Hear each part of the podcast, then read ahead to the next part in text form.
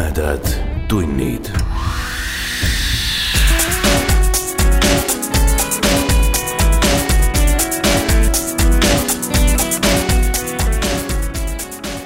tere, hea ulmesõber. tere tulemast kuulama jutuvestmis podcasti Tumedad tunnid neljandat osa. mina olen saatejuht Priit Öövel. täna on kavas üks jutt. algab see samasuguses kohas, kus eelmine osa lõppes ühes Poola keldri antikvariaadis. Aga autor ja pealkiri on tänasel lool hoopis teised. ma loen teile Kristjan Sanderi loo Punksi metamorfoos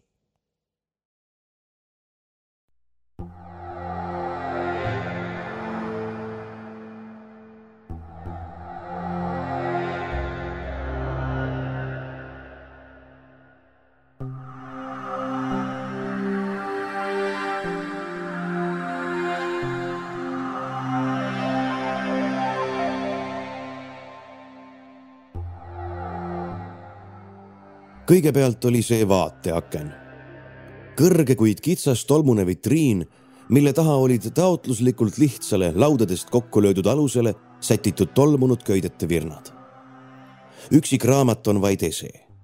seda võib hoolikalt uurida, süübida selle tillukesse ajalukku, otsida eelmiste kasutajate jälgi selle hapraks kulunud lehtedel, allajoondeid, tindiplekke, nimesid ja aadresse paberilipakaid ikka veel hoidmas lugejate poolt ammuilma unustatud järgesid. aastakümnete eest krõbisevaks kuivanud puulehti või õiekesi. aga see on ka kõik. raamatud omandavad oma tõelise mõjuvõimu alles siis, kui neid on palju. siis, kui ma näen toatäit raamatuid, mida nende omanik on kogunud ning kümnend kümnendi järel üksteise kõrvale sättinud, lugenud ja üle lugenud, tihti läbisegi kuhjanud oma lauale või voodi kõrvale fantastilistesse virnadesse ja sealt tagasi riiulitele, millel orienteerumiseks on lõpuks vaja järgida musttuhandet salapärast mõtteseost, mis on teada vaid raamatukogu omanikule endale, siis tunnen ma, kuidas köidete read vaatavad mulle alla. mind valdab sellistel puhkudel alati mulje, et ma ei viibi ruumis üksi. et koos raamatutega vaatab mulle neljast küljest alla ka nende omaniku vaim mis on leidnud viimase pelgupaiga otse kui salapärases seeneniidistikus või juurte rägas, mille moodustavad pealkirjad, nende tähendustalle ning köidete füüsiline asukoht. ei ole aga midagi kurvemat kui raamatu antikvariaat. sellisesse poodi on inimesed tassinud oma riiuleilt lahti kistud väärikaid köiteid, tihti hoolimatult hävitades selle mis on veel järel nende siit maailmast lahkunud omaniku mõistuse kuivanud aias harunevatest teedest.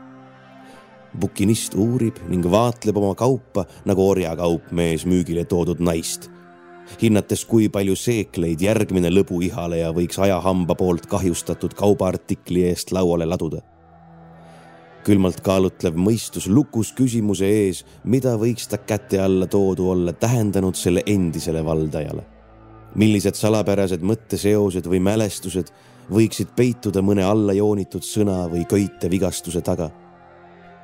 seejärel loobitakse need hind tiitellehe pöördele kritseldatud poeriiulitele laiali, igale sisenejale käperdamiseks ning näperdamiseks.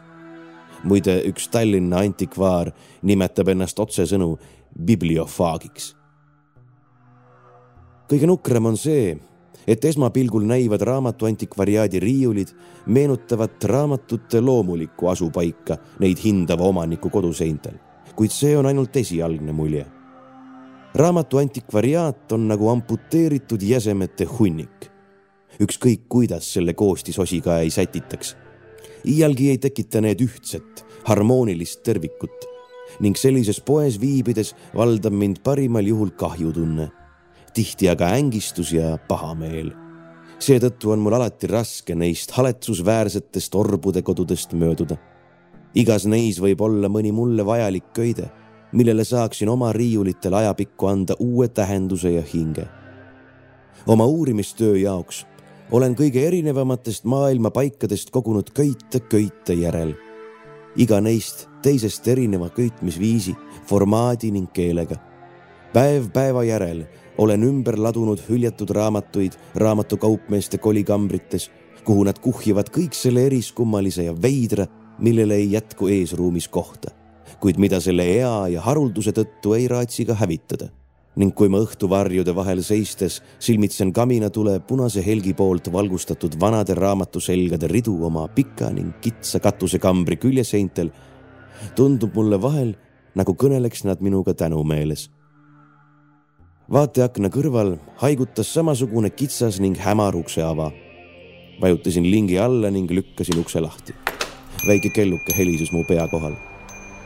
paar vastikult järsku astet viisid alla viletsasti valgustatud keldrisse, mille seinu ääristasid maast laeni riiulid. akna all nurgas nägin väikest marmorplaadiga lauakest, millel seisis kaks teetassi alustassidega. ruum mõjus sünge ja ahistavana veel trööstitumalt, kui olin ette aimanud. riiulite vahelt astus minu poole bukinist. minuga võrreldes muidugi nooremapoolne, kuid juba hõrenevate juustega lühikest kasvu mees tumedas sõjaeelse aktsendiga rõivas. ta näkku olid ta east hoolimata aga vajutatud rasked jooned, mida ta püüdis varjata leebe pilgu ja naeratuse taha peenikeste artistisõrmedega käed seisid hetkel paigal kuid võisin hõlpsasti kujutleda, kuidas need siis, kui kelluke mu tulekust teatas, tahtmatult paar korda teineteise peopesi hõõrusid. tervist, ütlesin kähku. tahaksin veidikene ringi vaadata. olge lahked, pann, vastas kaupmees. mul oli vaja, et ta mind rahule jätaks. kui neile kohe öelda, et nende abi ei vajata, jätavad nad sind tavaliselt rahule poodnik pöördus oma riiulite vahele tagasi, kus ta enne oli istunud ning rohelise varjuga lambi taga mingit köidet sirvinud. ja ma nägin, et ühe ta kõrvalesta asemel turritas armiline mügarik. astusin riiulite juurde ning tundsin, kuidas ta pilk mu selgroogu pidi üles ja alla liikus. vaatasin üle õla tagasi ja nägin, et ta oli uuesti istunud ja kehahoiaku järgi otsustades süvenenud enda ees valgussõõris lebavasse folianti kuid istuja nägu jäi varju ja ma ei suutnud vabaneda tundest, et ta jälgis mind endiselt. tõmbasin paar juhuslikku köidet nende asukohast välja ning asetasin hetke pärast tagasi, seina ääri pidi edasi jalutades. püüdsin selgusele jõuda selles poes valitseva süsteemi osas ning see õnnestus mul õige pea.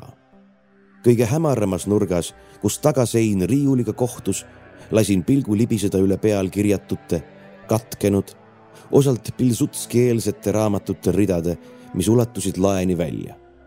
paljud inimesed, kes on suure osa oma elust veetnud raamatute seltsis, on märganud huvitavat fenomeni. nimelt juureldes mõne probleemi üle, mille kohta käiva kirjanduse kohta puuduvad igasugused vihjed ning astudes raamatu riiuli ette, võib juhtuda, et sirutades käe juhuslikult välja, tõmbab otsija riiulist just väljaande, mis sisaldab teda huvitavat teavet kuid mida ta pole kunagi varem näinud või avanud. Aleksandra Clemens mainib seda, rääkides jumalikust osasaamisest, mis võib tabada oma töösse sukeldunud õpetlast. Jaan Kross nimetab seda oma ajale vastavalt lihtsalt intuitsiooniks. ma olen ise seda korduvalt kogenud ning pärast enesevaatlust leidnud ühe kindla hingeseisundi milles uurija kaitseinglilt eriti suure tõenäosusega võib abi loota. seisin hämarusse mattuvate riiulite ees, tõmbasin sisse tolmu, iidse paberi ning kulunud naha lõhnu, püüdes oma vaimu vaid ühele eesmärgile allutada. tõstsin käe ja sirutasin selle kobades välja, hoides pilku riiulil kui tervikul ning püüdes mitte vaadata sinna, kus mu sõrmeotsad pimesi valiku pidid tegema samal hetkel lõi kogu nurk valgeks. mu käsi langes jõuetult alla ja kui ma silmi vidutades selja taha vaatasin, nägin, et kaupmees on tule põlema pannud. lubage panna, et aitan teid, ütles ta ahvikombel naeratades. sellelt riiulilt otsitakse harva midagi, kuid siin on väga huvitavaid väljaandeid. kõnealusel silmapilgul hakkasin seda isikut jälestama järgmiste tundide jooksul lappasin kaks riiulitäit raamatuid ükshaaval läbi. mu käte alt pudenes põrandale paberitolmu ning aeg-ajalt kriipis mu kõrva paberi katkemise kaeblik hääl, kuid midagi polnud teha. elektrilambi kalgis valgussõõris polnud ühtegi muud võimalust teha kindlaks, kas noil riiulitel ei peitu otsitav. Vastutulelik hangeldaja oli mind varustanud maalriredeli ja taburetiga, millele asetada huvipakkuvaid köiteid. ise oli ta tõmbunud tagasi oma rohelise lambiga urgu. püüdsin talle mitte mõelda ning keskenduda oma tööle. valik, tuleb tunnistada, oli tal huvipakkuv siin oli vanu vendikeelseid trükiseid, mille veidrat šrifti poleks osanud lugeda enam ka nende külakeste elanikud, kellele sakslased lõpuks kultuurautonoomia on andnud ja kelle surevat keelt püütakse uuesti ellu äratada. Pommeri slaavlaste õhukesest omaette kultuurikihist pärit kirjasõna kõrval lösutasid iseteadlikult suur Poola apologeetide tööd. brošüür, mis kujutas endast mannetut katset tõlgendada Voinitši käsikirja kirjutatud millegipärast Ameerikasse emigreerunud ruteenlaste poolt loodud kirjakeeles, panslavistide katsetused ühtse slaavi keelealal. lehitsesin põgusalt tundmatu grahvomaani poolt kirja pandud nelja sentimeetri paksust romaani, millega arvatavasti loodeti viia kabineti vaikuses sündinud dialekti rahva hulka ning mis oli, nii palju kui ma kohapeal otsustada võisin, ülemäära suurel määral mõjutatud krahv Monte Cristust tunnistan ausalt, ma pole mitte kunagi mitte üheski antikvariaadis näinud suuremat slaavi keeleruumi kurioosumite kogu. arvatavasti oli ta mõne fanaatilise kollektsionääri kogu pennide eest ära ostnud ning lasknud selle ei tea kui kaua oma poe kõige pimedamas nurgas tolmuda. kuid ma ei ole filoloog ega kirjandusajaloolane. osa neist teostest paelus mind ainult oma vastuvaidlematult iidse algupäraga osa aga tõstsin kõrvale kui inimmõistuses sünnitatud kurioosumid. huvitavad, aga samas absoluutselt kasutud. midagi ma siiski leidsin. see oli õhuke raamatuke ilma kaante, tiitellehe ning paari tagumise leheta.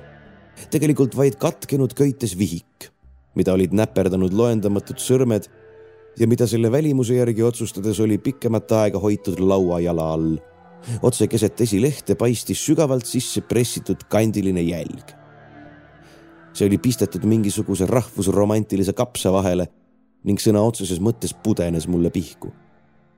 vaid sellesse süvenedes võis aru saada, et tegemist on tundmatu valgustusajastu entusiasti brošüüriga Kasuubi ebausukommetest.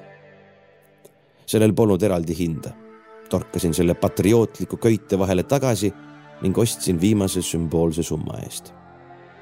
kui ma väljusin, tundsin ikka veel oma õlul seda ainitist pilku, mis oli otse füüsiliselt tajutav nagu ämbliku võrgu puudutus nahal.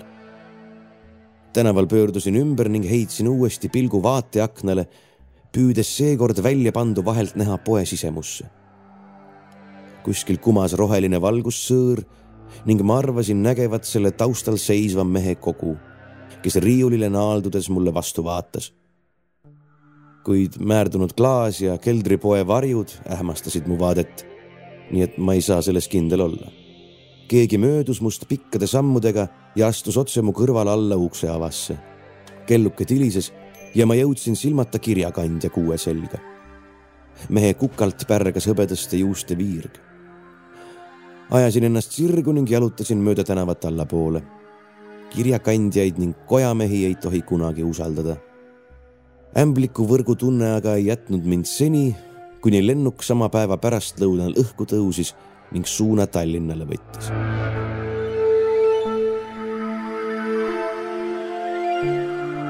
teisel korral olin just lõpetanud ühe katse. olin eelmisest õhtust saadik vaevalt kolm tundi tukastanud. see oli viga, see uinak. aga siis öösel ma lihtsalt ei suutnud enam üleval püsida.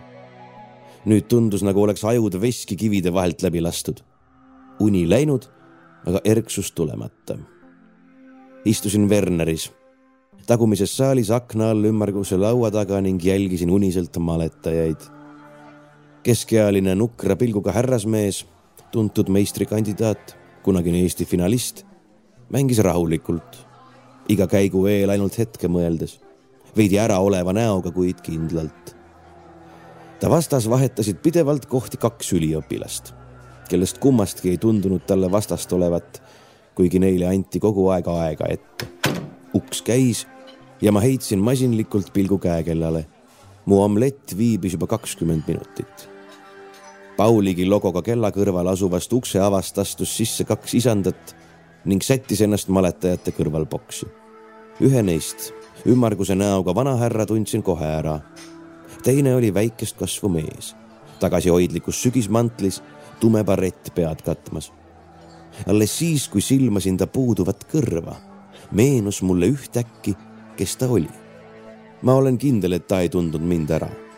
ometi adusin õlgade ümber jällegi seda vastikut kerge puudutuse tunnet vast samamoodi võivad tunda toomingad, kui kahjurid nad oma võrkudesse mässivad. Uustulnukad riputasid oma palitud ja mütsid varna ning istusid.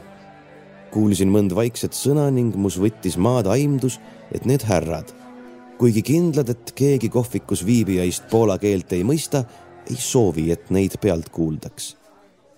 rääkijatest üks oli aga peale kõigi oma muude tiitlite Dorpeti loožimeister viivitasin mõne hetke. tõusin siis püsti ja astusin maletajate laua juurde. tervist, kas tohib pealt vaadata? partii lõppes just ja üks tudengeist lükkas seisu kokku. meistrikandidaat vaatas äkilise liigutusega minu poole, nagu võinuks mu isik teda ehmatada. akende valgus peegeldus ta prillidel, nii et ta pilgu asemel nägin hetke jooksul valgeid nelinurki. jaa, palun ta korjas oma salli ja mütsi istmelt kokku, et mulle ruumi teha. Istusin. võtsin väikese lonksu teed ja lasin pilgul moe pärast üle mängulaua käia. omletti ei toodud ikka veel, aga see polnud ka enam oluline. aset on leidnud kolm juhtumit, öeldi mu selja taga vaikselt poola keeles. ma kuulen teid. viimase nelja kuu jooksul on kolm last kadunud. kuulsin riiete kahinat ilmselt vahetas keegi istujaist asendit. Jaan, Spukinist rahulikult, rääkige palun kõik, mida te teate, algusest peale. ta vestluskaaslane köhatas. kujutasin ette, kuidas ta sisseharjunud liigutusega prille kohendab. kolm last kadus oma voodist öösel une pealt, jäljetult ja vaikselt. sissemurdja suutis kõigil kolmel korral avada kõik lukud vaikselt kinnituste kohaselt vaiksemalt kui majarahvas ise. ah, ahah, tänan. Viimased sõnad olid öeldud eesti keeles. hetke pärast kolksatas minu ette lauale kaua tehtud kaunikene omlett. niisiis, jätkati mu selja taga. ühel juhul oli majas ka koer. loom ei teinud mingit häält ega märganud, et keegi majja sisenes. on välistatud, et teda uimastati lõikusin munarooga ja vaatasin, kuidas teisel pool lauda üliõpilased taas kohti vahetasid. Nende vastane mängis väga kindlalt kahe ratsu avangut, kuid positsioonilises stiilis, lipuetturiga esialgu ühe sammu astudes ja selle edasitungi tsentrisse pikalt ette valmistades. põhjus, miks ma pöördusin teie poole, on aga muus. lapsi ainult ei varastatud, nad vahetati ära. vahetati küsis bukinist viisakalt. ta häälest kostis väsimust. natuke liiga palju väsimust nii noore mehe kohta. Laste vooditesse olid asetatud pirakad puunotid, juured ja lehed küljes, just nagu otse metsast toodud, mullased. kõigi laste vanemad kinnitavad, et alguses ukselt vaadates polnud nad märganudki, et midagi valesti oli. on see kõik? jah mu kõrval klõbises kell järjepanu. mustadele tehti vankri ning kuningaga matti. ühtegi last leitud ei ole? politsei? Ajakirjandus? ei, kedagi pole leitud. politsei on nõutu. ajakirjandus esialgu veel vaikib, aga me ei suuda teda eriti kauem tasa hoida. hallo? taskutelefon oli eestlase jutu katkestanud. hetke pärast kuulsin enda selja taga kähehäälset sosinat täna öösel kadus veel üks, kostis hääl, nagu oleks tass äkilise liigutusega alustassile tagasi asetatud. nii, ma tahan näha neid notte, mis laste asemele toodi. ma tahan viimases sündmuskohas ära käia. ja seda on vaja kohe teha. hakkasin uuesti isuga omletti pugima. mu kõrval tehti uue partii avakäike. masinlikult mõtlesin, et kui keegi märkakski, et hetkeks söömise unustasin, oli loogiline see panna viimaste välkkiirete käikude jälgimise arvele. vaevalt muidugi, et mu söögiisu kedagi huvitas, aga iial ei võinud teada. Iga sorti huvilisi on Werneris alati käinud. mu selja taga aeti selga mantleid. meister teatas mööduvale ettekandjale, et tahab ruttu arvet ja viimane vastas midagi käigu pealt. minuti pärast käis uks ning tundsin otse kui vabanemist. miski mu ümber vajus laiali ning haihtus sekundi murdosa jooksul. ta ei saa mind mäletada, ütlesin endale mitu korda. ta ei saa. see pole võimalik. Möödas on kaks aastat ning ta nägi mind siis hämaras poes. praegu aga vaid vilksamisi ning käsi põsakil istumas. ja mul on teised riided seljas rüüpasin viimase tee ära, lasin sidruniviilul klaasi põhjast suhu kukkuda ning vahtisin seda mäludes mängulauale, seisu õieti teadvustamata. üks poistest naeris ja ma noogutasin muietest takka. ta ei saanud mind mäletada. kui partii viimaks lõppes, tõusin, soovisin head päeva ja tegin minekut.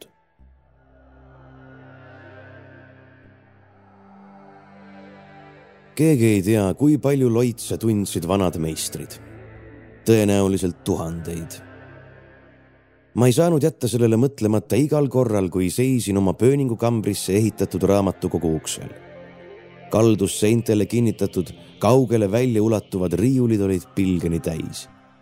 See oli minu vanaisa, kes alustas ning kes suutis oma elutöö nii ära peita, et see elas üle hävituspataljonid, küüditamised ja muud õudused. isast polnud asja ja mina jätkasin pärast laulvat revolutsiooni praktiliselt samalt kohalt, kus vanaisa töö oli katkenud. poolteist inimiga, metsikul kombel õnne ja kaasasündinud annet ning ma olin lõpuks lähedal ühe loitsu taastamisele. Ühe taastamiseni tuhandeist. lauakesel keset tuba lebas tilluke kilest ümbrik võtsin selle ettevaatlikult kätte ja vaatasin vastu valgust. kõik oli nii, nagu pidi. kas ma pidanuksin ootama, poolaka tõttu oma katsed katkestama? ma kaalusin seda võimalust, kaalusin tõsiselt. ma ei tea siiamaani sellele küsimusele õiget vastust, võib-olla. Aga kuskil pole kirjas, et see oleks õnnestunud. too mees oli nuhtlus igatahes oli siis viimane õige kuuga öö vaatasin unka aknast puuvõrade vahele õhhe. kuskil laksutas ööbik ning supilinna katused paistsid mattmustade nelinurkadena. palju aega enam polnud. avasin šeifi ning võtsin sellest vaagna. siis kobasin tikkude järele. Läks veidi aega, kuni need leidsin ja süütasin vaagna põhja hõõguma lõhnaküünlat tüki. see paistis veripunase laternaga jaaniussina, leht loitsuga millega ma päeva ajal olin töötanud, lebas lauanurgal. kiikasin veel korra kuu poole ja nägin, et oli aeg. kustutasin valguse, kuukiir pani kuldse niidi vaagna serval nõrgalt vastu kumama. Avasin käsikaudu kotikese ning puistasin selle sisu sõrme otsast vaagna põhja. õhku sugenes kerget kärsahaisu. lugesin loitsu pimedas vaevu eristuvaid ridu pominal, peaaegu artikuleerimata oluline on, et sõnade nõiduri sees selgelt vastu kajaksid, muu ei loe. rubiinne säde mu ees hakkas tillukese südamena tukslema. kuulsin kõrvus ka omi pulsilööke, kuid rütm oli teine. Minu süda on vana ja lööb nagu jõuab. see süda, millest ammutas oma rütmi tulekilluke mu ees, oli noor, kasvava lapse süda, täis elujõudu ja rõõmu. loits toimis kui see lõppes, jäi säde ühtlase punase silmana hõõguma nagu põrgu suud varjavasse eesriidesse torgatud auguke. see tilluke kübe säras nii raevukalt, et nägin selle helki raamatu riiulitel vasakul ja paremal. Vaagna serv aga ei hiilanud enam kuukiire puudutusest, vaid ise oma väest. pool tööd oli tehtud. aga see oli kergem pool eile öösel oli seegi mitu korda ebaõnnestunud. hakkasin lugema teist loitsu ning pärast esimesi tugiriime vilgahtas verine valgus korraks. Sundisin ennast rahulikuks ja lugesin edasi. põues paisumas õnnestumise aimdus. säde justkui tuhmus. jällegi oli mu ümber pimedus ning siis hakkas see uuesti pulseerima, elava südame rütmis, kuid ometi teisiti kui enne. võidukal pominal lugesin viimaseid ridu ning kui keel ja hing vaikisid, oli mu ees hiliskevadise öö hämaruses vaid tavaline kulunud laud tavalise kuldse randiga väikese piaaliga, mille põhjas lebas kustumas lõhnaküünla tükike ja kust tõusvas hõngus segunesid viiruk ning põlenud juuste kärsahais. kõik oli jälle tavaline, nii tavaline. kuid ometi oli see kõige ebatavalisem hetk minu elus. ma teadsin, et olin õnnestunud. viimaks ometi oli mul loitsu õige variant käes tõsi, seegi polnud täiuslik. ta näeb võrdlemisi omapärane välja, kuid see oli piisav minu jaoks. mul pole enam nii palju aega, et kõike täiuseni viia. süütasin elektrivalguse, astusin raamaturiiuli ette ja silitasin sõrmeotstega hellalt köidete rida. raamatu seljad tundusid peaaegu soojadena mu keskmine sõrm puudutas hiljuti restaureeritud trükise õhukest selga ja ma tõmbasin selle välja. see oli too vihik, mis oli tookord mu pihku pudenenud. seal, noh, talle juures. üks kild miljonitest, kuid oluline kild. kõik nad olid olulised. samal hetkel tundsin, kuidas mu kehakarvad liiguvad, nagu tõuseksin kananahale. ometi oli ruumis soe.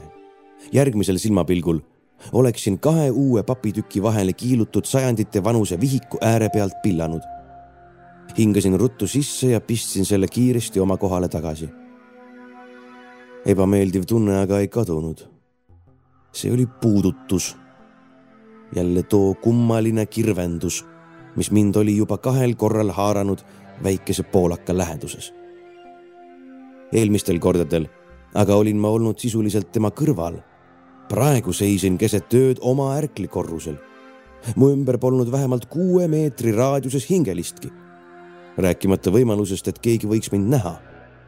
ometi adusin mingit kohalolekut ning mis veel hullem, jälgivat kohalolekut. elu on mind kriitilistes olukordades õpetanud tegutsema kiiresti. murdsin lehed loitsuga kokku ja pistsin põuetaskusse. astusin üle toa, kiirustasin trepist alla, pöörasin välisukse lukust lahti ning lasin enda tagant neprisse langeda kobistasin käsikaudu esimesele korrusele ning hetke pärast seisin juba kuuvalgel tänaval. helistasin välja takso. kuskil seal, mõtlesin magavate vanade majade vahel. kuskil seisab tema, vaatab niisamuti kuude nagu mina ning tal on kõik selge. jahe öötuul kandis mu sõõrmetesse kevadise vihmalõhna ning mul oli tunne, nagu oleksin ma keset tänavat alasti aia ääres hiilis kass, vaatas minu poole ning kiirendas kõnnakut. kuskil, teadsin, silmadega tänava hämarust puurides, kuskil kiirustab ta kõrgetest treppidest alla. kuskil käivitatakse praegu automootor ning süttivad esilaternad kallavad ümbruse kuldse valgusega üle. nüüd pöörab väike, kuid kiire masin hoovist välja tänavale ning kiirendab läbi kollaselt blinkivate fooritulede öiselt tühjas linnas jõuab ta siia ruttu. tänava lõpus lõi särama kaks kuldset silma. hetkeks hüppas süda mu sees, tegin liigutuse, et aiavarju taanduda, tunnetades samas ebatavaliselt teravalt selle mõttetust. siis nägin kolmandat valgusekübet autolaternate kohal ning hingasin välja. see oli takso. taksos mängis vaikselt raadio Elmar ning juht oli tüüakas, prillide ja vuntsidega mees kui palusin ta lihastesse sõita, ta noogutas sügavalt, kordas aadressi, vahetas sujuvalt käiku ning tagurdas hooviväravasse majade vahel, et ümber pöörata. auto õõtsatas korraks, kui jälle edaspidi liikuma hakkas. juht võttis rahulikult mikrofoni ja teatas, et seitse sõidab ihastesse. aitäh, seitse, vastas dispetšer tuimal toonil kui me Kroonuaia tänava otsa jõudsime, nägin, kuidas paremalt ilmus käänaku tagant nähtavale ümmarguste tuledega golf. taksojuht vajutas teed, andes pehmelt pidurile. võõras masin võttis pöördel hoo päris maha. korraks läbistas mu liikmeid judin, kuid siis lülitati golfi suunatuli sisse ja auto kadus meie selja taha. mõned ei armasta suunda näidata, ütlesin. ja, ja, ühmas juht. Takso keeras supilinnast välja ning kogus sujuvalt kiirust. samal hetkel langes kujutletav ämbliku heidest kootud pleed mu õlult maha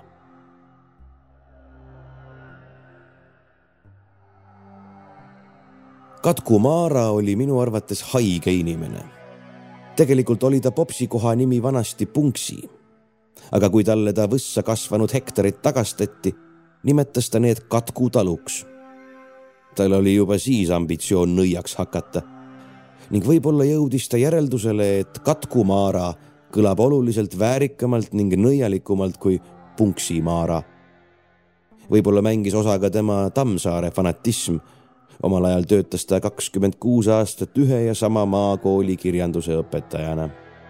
kui ta pensionile jäi, lõikas ta juuksed poisipeaks, hakkas kandma kõrge kaelusega musti pullovere ning tegi endale valgeks pleegitatud kanakontidest kaelakee. lisaks sellele lasi ta naabrimehe traktoriga oma õuele tirida tont teab kus aastakümneid vedelenud paplitüve, ajas selle püsti ning kaevas otsapidi maa sisse. mürakas läks kasvama ning Maara hakkas rääkima, kuidas ta ammutab sellest väge. nagu ütlesin, ta on haige ning tegelikult tüütult tavaline inimene. aga ta austab mind ja see on ainuke asi, mis loeb. kuigi ma usun, et talle avaldab muljet minu selgeltnägija võime, mis teatud kujul on igal viiendal-kuuendal inimesel olemas. Maara ise muidugi nende hulka ei kuulu palju rohkem kui see, millele me vanaisaga olime oma elu pühendanud ning mis on mõõtmatult sügavam kui kuuenda meele aistingute teadvustamine. jõudsin tema juurde neljanda päeva õhtul. õhtul, kui päike oli juba loojunud, pärast haake üle poole Eesti. mõnel hetkel oli mind vallanud jälle too rahutuks tegev aimdus, nagu libiseks üle minu kellegi nähtamatu, otsiv ja kõike märkav pilk. kui aga istusin ümber ja alustasin logisevas bussis järjekordselt tiiru läbi tillukeste, pooleldi maha jäetud külade, kadus see peagi. Õnneks on mulle pika elu jooksul paljudesse kohtadesse tekkinud tuttavaid, keda külastada ning kelle juures ööbida. Tol õhtul, kui ma Maara värava ees seisin, olin kindel, et mul on õnnestunud võimalike jälitajate eest kaduda. Dokker Speni jooksis värava taha ja haukus mind. Maara tuli kuskilt maja tagant, käsutas koera vait ning tegi mulle värava lahti otse maja nurga juures seisis too papliurakas ning oli juba jõudnud endale küllaltki arvestatava võra kasvatada. hilised sääsed pinisesid ümberringi. Tervist, soovisin Maarale. tere, aiapoolne tuba on vaba. ta ei ilmutanud mingit üllatust selle üle, et mul oli ilmne kavatsus tema juurde ööbima jääda. ta suhtumine pidi näitama, et ta on minu tulekuga juba ammu enne arvestanud, kui ma kodunt liikuma hakkasin maja oli tal vana, pooleldi mets viinapuu väetidega kaetud. sirelid aia ääres olid juba pooles õies ning vaiksel kevadisel õhtul oli siin väga ilus. Nagu ma teadsin, langes maja taga künkanõlv ning all väikese oru põhjas lirtsus maaga kõige palavamatel põuapäevadel. edasi tuli vesine mets, mille sügavuses koprad hoolitsesid selle eest, et selles kunagi mingeid muid liike peale lepa ja paju kasvama ei hakkaks sealt alt tõusis majani ning keerles ümber selle vaikselt meie poole valget udu. Lähen käin all ära, peldik oli sealsamas võsa ääres. tule ikka läbi maja. otse maja keskel ulatus koda läbi hoone ning tagauks avanes oru poole. kojas säras elektrivalgus ning seal rippusid maarohtude kimbud, lõhnatas mõnusalt lükkasin tagumise ukse väljapoole lahti ning kobisin ettevaatlikult välja. maapind langes otse vundamendi äärest ning aste majast välja oli umbes nelikümmend sentimeetrit kõrge. Ronisin ettevaatlikult mööda laskuvat rada allapoole. luud liikmed valutasid kolmepäevasest loksumisest, aga hing oli kerge. sisetunne, mida ma olin lapsest saadik usaldama õppinud, ütles, et ma olin lõpuks õiges kohas. õhtu oli hämar aga mitte pime. kuid õige pea voogas mu ümber udu ja muutis kõik unenäo sarnaseks. jõudsin suuremate viperusteta alla, udus häguste varjudena mustavate pajude juurde ning tõmbasin mõnuga sisse kõdu ja niiskuse lõhna. jalge all solises, olin kogemata lausa vette astunud ning tõmbusin sammu võrra tagasi. jahe niiske õhk pani üle selja jooksma külma värina. samas polnud see tervenisti ebameeldiv. selles värinas oli ootus ärevust ning rõõmu tukset. olin õiges kohas. käisin kullakambris ära ning ronisin kitsukest ja pimedat rada pidi üles-tagasi järgmisel õhtul tegin Maarale teatavaks, et jään tema juurde jaanipäevani elama ning pakkusin talle tuhandet krooni kõikvõimalikeks kuludeks. ta puikles ainult moe pärast ja läks siis sauna kütma. sidest toodud ajalehed vedelesid köögilaual ja ma lõin Õhtulehe lahti.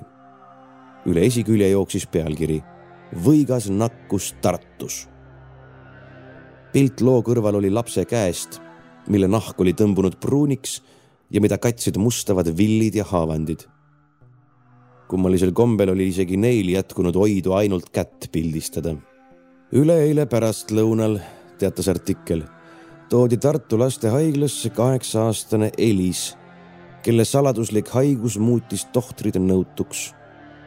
kogu lapse keha on kaetud pruunide koorikutega, liikmed on osaliselt deformeerunud ja juuksed välja langemas haigus tabas oma ohvrit alles hiljuti ning arenes kiiresti. lapse juures viibib eriteadlane Poolast. edasi tulid lühiintervjuud Elise ema ning arstidega. Poola spetsialist piirdus ainult kahe lausega. kokkuvõttes oli neil üheskoos õnnestunud ajakirjanik ära hämada. mu kujutlusvõime maalis paar värvikat pilti, mida oleks Õhtuleht kirjutanud siis, kui oleks teadnud kahetsusväärse sündmuse tegelikke asjaolusid. näiteks seda, et haigus kujunes välja keset ööd kahekümne minuti jooksul.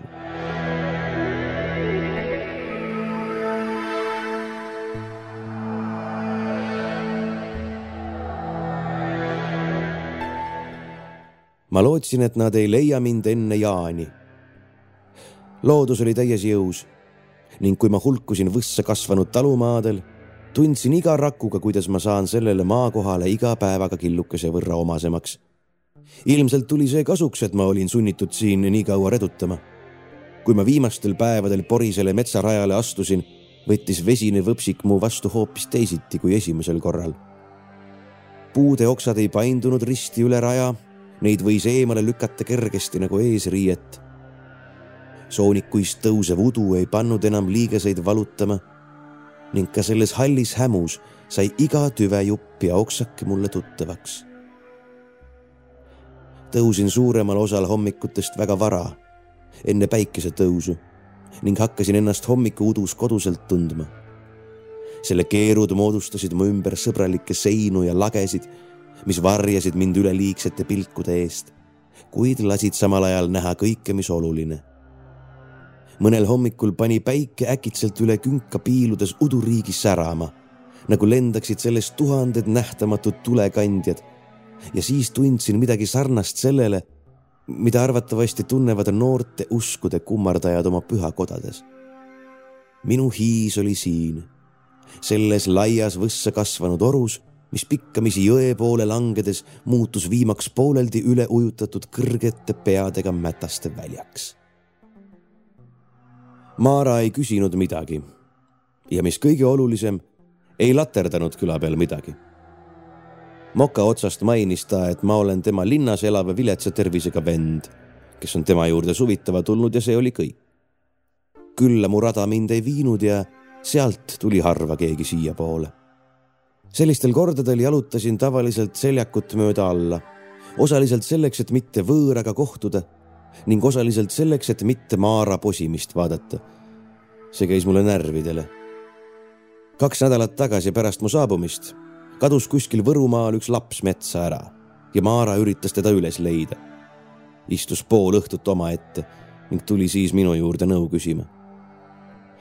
laps oli juba eelmisel päeval kuskil võsas koerte poolt maha murtud ning mul polnud mingit tahtmist järjekordset esikaane lugu produtseerida ütlesin talle, et minu võimed on jaanipäevani uinuvas olekus ja et üleüldse olen ma rohkem folklorist ja etnograaf kui tegutsev manatark. jaanipäeva müsteerium on siiani uskumatult võimas. pärast kaheksat aastasada on see öö ikka veel peaaegu niisama vägev kui siis, mil noor religioon polnud veel iidseid jõudusid lämmatama hakanud. Muistseid preislasi ja vente, keda tatsitus keltidega ühendatuks pidas, muide mitte ilmaasjata, ei ole enam. aga jaanituli, vanade päikesekummardajate püha tuli lõõmab ikka veel kogu Baltikumis ning Skandinaavias. kuigi suurema osa rahva jaoks on see õlle, mitte päevapüha. Linnamäele vurati mõlgitud BMW-des otse Maara ukse alt mööda. kuts klähvis hääle ära ning keegi viskas teda pudeliga. istusin juba varakult madalale paindunud harul. vaatasin sumedat taevast ning kordasin mõttes loitsu. olin selle nii pähe õppinud et võisin seda ka unes öelda. see oli selline sumisev ja mahe öö, väikeste naljade, armunud paaride ja vaikselt voolava vee öö, küps ja küllane öö. taevas oli selge ja silmapiiril mängis päevapuna. See nagu polnudki öö, see lühike ajalõik loojangu ning Koidu vahel. pööriaja öö, üks neid vaikseid hetki mil osake maailmast meile kõigile märkamatult muutub teiseks. olin üksi aeglaselt pastellseid toone vahetava taeva ning rohelise lehestikuga enda ümber, nagu polekski kuskil lõugavaid noorukeid, bensiinivingu või raudbetoonist sõrestikke. Nagu oleks need neetud sajandid olemata. sellisel ööl näib kogu maailm justkui kuulatavat ammu ununud viise, mis ta sügavikust kerkivad korraks vaid ülima rahuhetkedel. kogu ümbrus hingas vaikses rahus, mu närtsivate kopsudega ühes rütmis. Pole midagi. Need mõned tunnid peavad nad veel vastu. naeratasin endamisi selle mõtte juures. Kõik need kohad, mis oleks nagu omavahel kokku leppinud, mind mitte üle üheksanda aastakümne künnise lasta kõik need kohad peavad veel mõned tunnid vastu. ja rohkem polegi vaja. kui päike viimaks loojus, tõusin ja hakkasin ennast riidest lahti võtma. täna polnud udu ning sääsed surusid mu ümber ootamatu peolaua ümber trügides. ma ei tapnud neist ühtegi. Polnud enam oluline. Õhk oli nii soe, et ma ei tundnud oma karastamata kehal ühtegi värinat sidusin riided pambuks, mässisin kaasa toodud kivi ümber ja surusin kõige sügavamasse soonikusse, mida mul oli õnnestunud leida. astusin varbaid pidi jahedasse vette, kauss ning tikud vasakus käes, vaatasin taevasse ja tõmbasin rinna sügavalt õhku täis. see maitses kohutavalt hea. Siis nägin, kuidas taevas äkki nagu muutus nagu oleksin ette pannud nõrgalt toonitud päikeseprillid. tuul vaikis ja tumedad lehed mu ümber seisid liikumatult. ainult otse mu pea kohale jäi alles helerohekas sõõr, tükk normaalsest jaaniöö laotusest. kuskil kompas keegi kolmanda silmaga võsa oru põhjas ning mind omaks võtnud puud põõsad olid sulgunud tihedasse ringi, et mu alasti keha varjata aga nad ei suuda. teadsin, ei suuda seda igavesti teha, sest see, kes seal väljas seisab, pole teps mingi katkumaara. tõstsin kausi enda ette kännule, murdsin selle põhja lõhnaküünla tüki, katkusin peast paar juuksekarva ja tõmbasin tikust tuld, loits samal ajal keelel vormumas. See oli hoopis teisiti kui viimasel korral jaanipäeval ongi kõik hoopis teisiti ühelt poolt harjumatu, aga teiselt poolt võimas ja kaasatõmbav. mu huuled töötasid isepäi ning iidsed vormelid langesid neilt vaiksel kõminal, mis kohe päris kindlasti ei olnud minu hääl. viivuks tundusin endale kõrvalseisjana, kes vaatab pealt, kuidas rauga südame kustuv elujõud manatakse tillukesse sädemesse kännu otsa väikese piaali põhja oksad hõõrusid mu ümber üksteise vastu, nagu oleks tugev tuul tõusmas.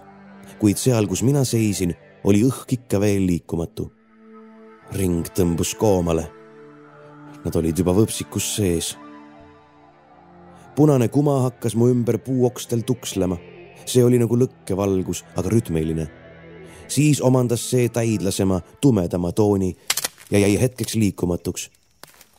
see oli viimane asi, mida ma nägin kuidas muutus toimus, ei oska ma kirjeldada. tean vaid, et järgmisel hetkel tundsin ühe korraga nii tuult liigutamas seda, mis olid olnud mu käed, kui niisket mulda embamas seda, mis olid mu jalad.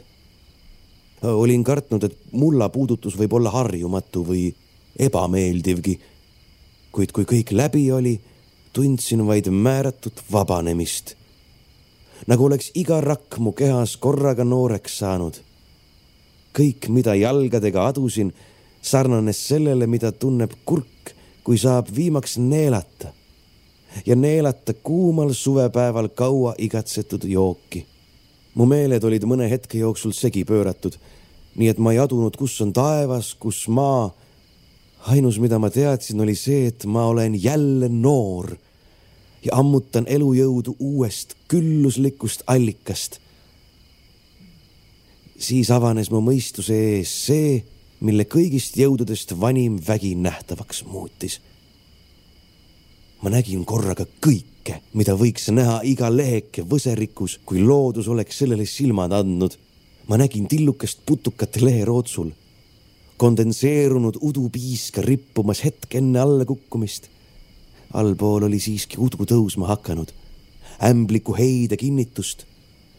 aga ma nägin ka kõiki taevavärve silmapiirist silmapiirini ning rammusa mulla lõputuid sügavtoone, tuulepaitust orgu ümbritsevate kuplite küürudel ja äsja süüdatud lõkketule helke Linnamäe järsul nõlval. ja ma nägin kaht inimest rühkimas läbi nende teele põimuvate okste, vaid nelja mehesammu kaugusel minust. ühe neist tundsin kohe ära. teine oli noor mees taskulambi ja maskeerimisvärvi jakiga. teda nägin esimest korda. Püüdsin oma jalgu või seda, mis oli kunagi olnud mu jalad, sügavamale maasse suruda. muld võttis mu vastu, embas mind ja tõmbas oma kaisutusse kümned tillukesed juured kasvasid välja ja uuristasid endale märjas pimeduses teed, mind igaveseks pinnasega ühte põimides. ma teadsin, mis tuleb. Nad olid mu leidnud. ma jään ellu, kuid enne tuleb see karikas tühjaks juua. see ei lähe mööda. olin seda näinud oma unetute ööde nägemustes ja tundnud ühe korraga nii selle kogu õudu kui kogu lootust. seisin ja ootasin. poolakas haaras lühikese hüüatuse saatel kännult kausi, pööras seda korraks, vaatas ringi ja ta pilk peatus minul. mis on? see oli noorem mees. Poolakas tõmbas vaba käega üle näo. ma eksisin. jumalad, kuidas ma eksisin, ta rääkis vene keeles mida? bukinist ohkas sügavalt. ma arvasin, et see on tavaline vahetise lugu. et ta veab neid lapsi siia ja kasutab kuidagi ära. ohverdab näiteks. ka ta tegi nendega katseid. ma ei ole kunagi veel niimoodi eksinud. Meister, see pole päris ka teie ala. jah, katkestas poolakas noormehe teravalt. see ei ole minu ala. siin pole eksortsismiga mitte midagi pistmist see on inimlik kurjus, mis on iidsed väed endale allutanud oma puht egoistliku eesmärgi nimel. aga siiski, kui ma sellega juba tegelema hakkasin, ei oleks ma tohtinud endale lubada eksimist. vabanduste otsimine on tühi töö, noormees. Ta tõmbas hõlma alt väikese kullatud teraga kirve. näidake valgust. noorem mees suunas taskulambi kiire otse minule see välgatas habemenoana vahedalt teralt ning siis lõi valu mu kurdiks ja pimedaks. veel ja veel ja veel. iga hoop avas otse kui uue, puhtast valust koosneva universumi, mille keskele ma keereldes langesin veel ja veel ja veel. kirves polnud ilmselgelt puude langetamiseks mõeldud, aga piin oli seda suurem. kuskil seal võsalagendikul, kohas, mida ma ei näinud ega tundnudki enam kuskil seal pritsis praegu ühest krobelisest puutüvest verd ja okste oigamine. äkki tõusnud tuules pani ühe noore mehe tasakesi karjatama. Kui see lõppes, jäi vaid sakiline haav, millest nõrgus elumahla, mida mu juured ikka veel paaniliselt imesid, et haiget keha toetada. aga keha ei olnud enam. keha lamas külili punaseks värvunud veega lombis kogu mu tunnetusala oli vaid see sakiline haav. see oli mu isiklik valumaailm. Iga lahti löödud pinnuke ja iga koort tabanud kriimustus selles oli mulle tuttav. nii põhjalikult tuttav, nagu oleksin ma kogu oma elu veetnud pooleks taotud tüvekontsa sõrmitsedes. aga ometi tõi vägi kuskilt mu juurde ka sõnad see paik tuleks põlema panna. aga siin ei võta miski tuld. buldooser vajuks ka sisse. midagi teha pole. Me saime teda kahjustada, aga mitte hävitada.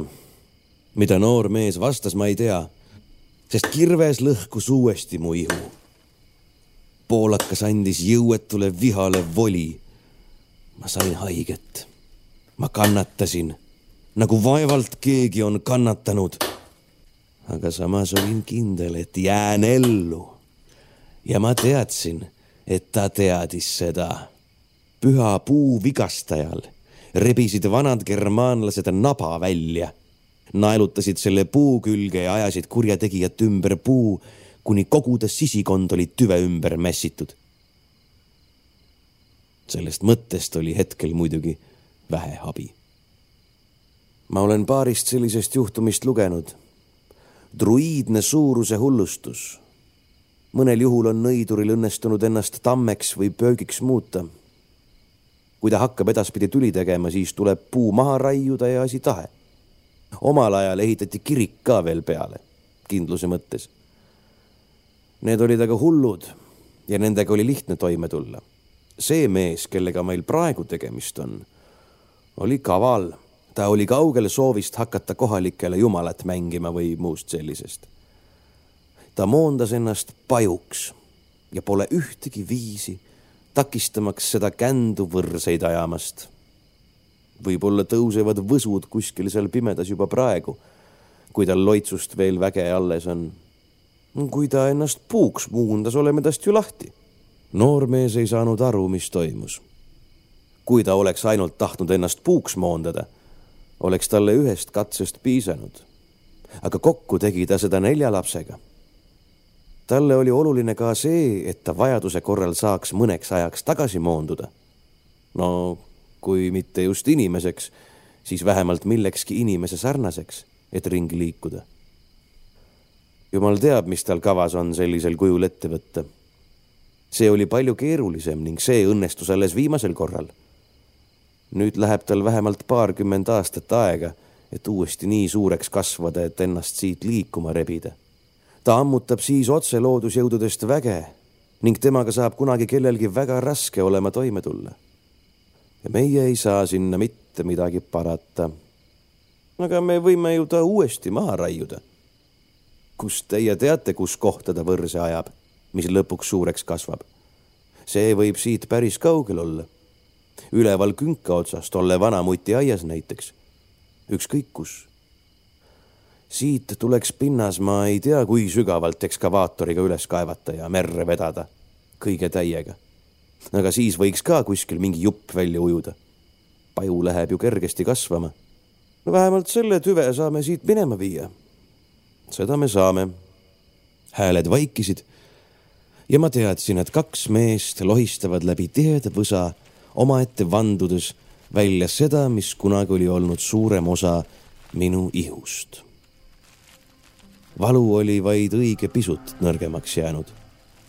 kuskil sügaval maapõue peidus aga surusid juured ennast üha tugevamini toitvasse huumusesse ja hoolimata kõrvetavast piinast, mis mind ülalt poolt pures, tundsin, kuidas sealt sügavalt, kindlast ja külluslikust maapõuest kerkis ülespoole rõõm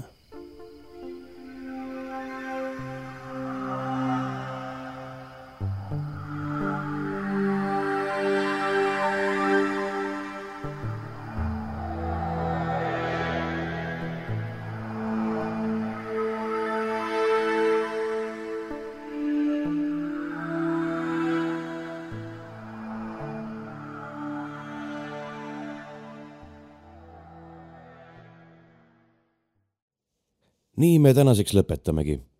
ja aitab nüüd mõneks ajaks Poolast ja poolakatest. tumedate tundide järgmine osa jõuab teieni vabariigi aastapäeva eelõhtul. ja siis käsitleme ka meie oma taskuhäälingus eestlasi ja eestluse alustalasid. seda küll veidi omapärases võtmes. seni aga kirjutage meist ja meile Facebookis ning kutsuge ka oma sõpru meid kuulama. Teie tumedad tunnid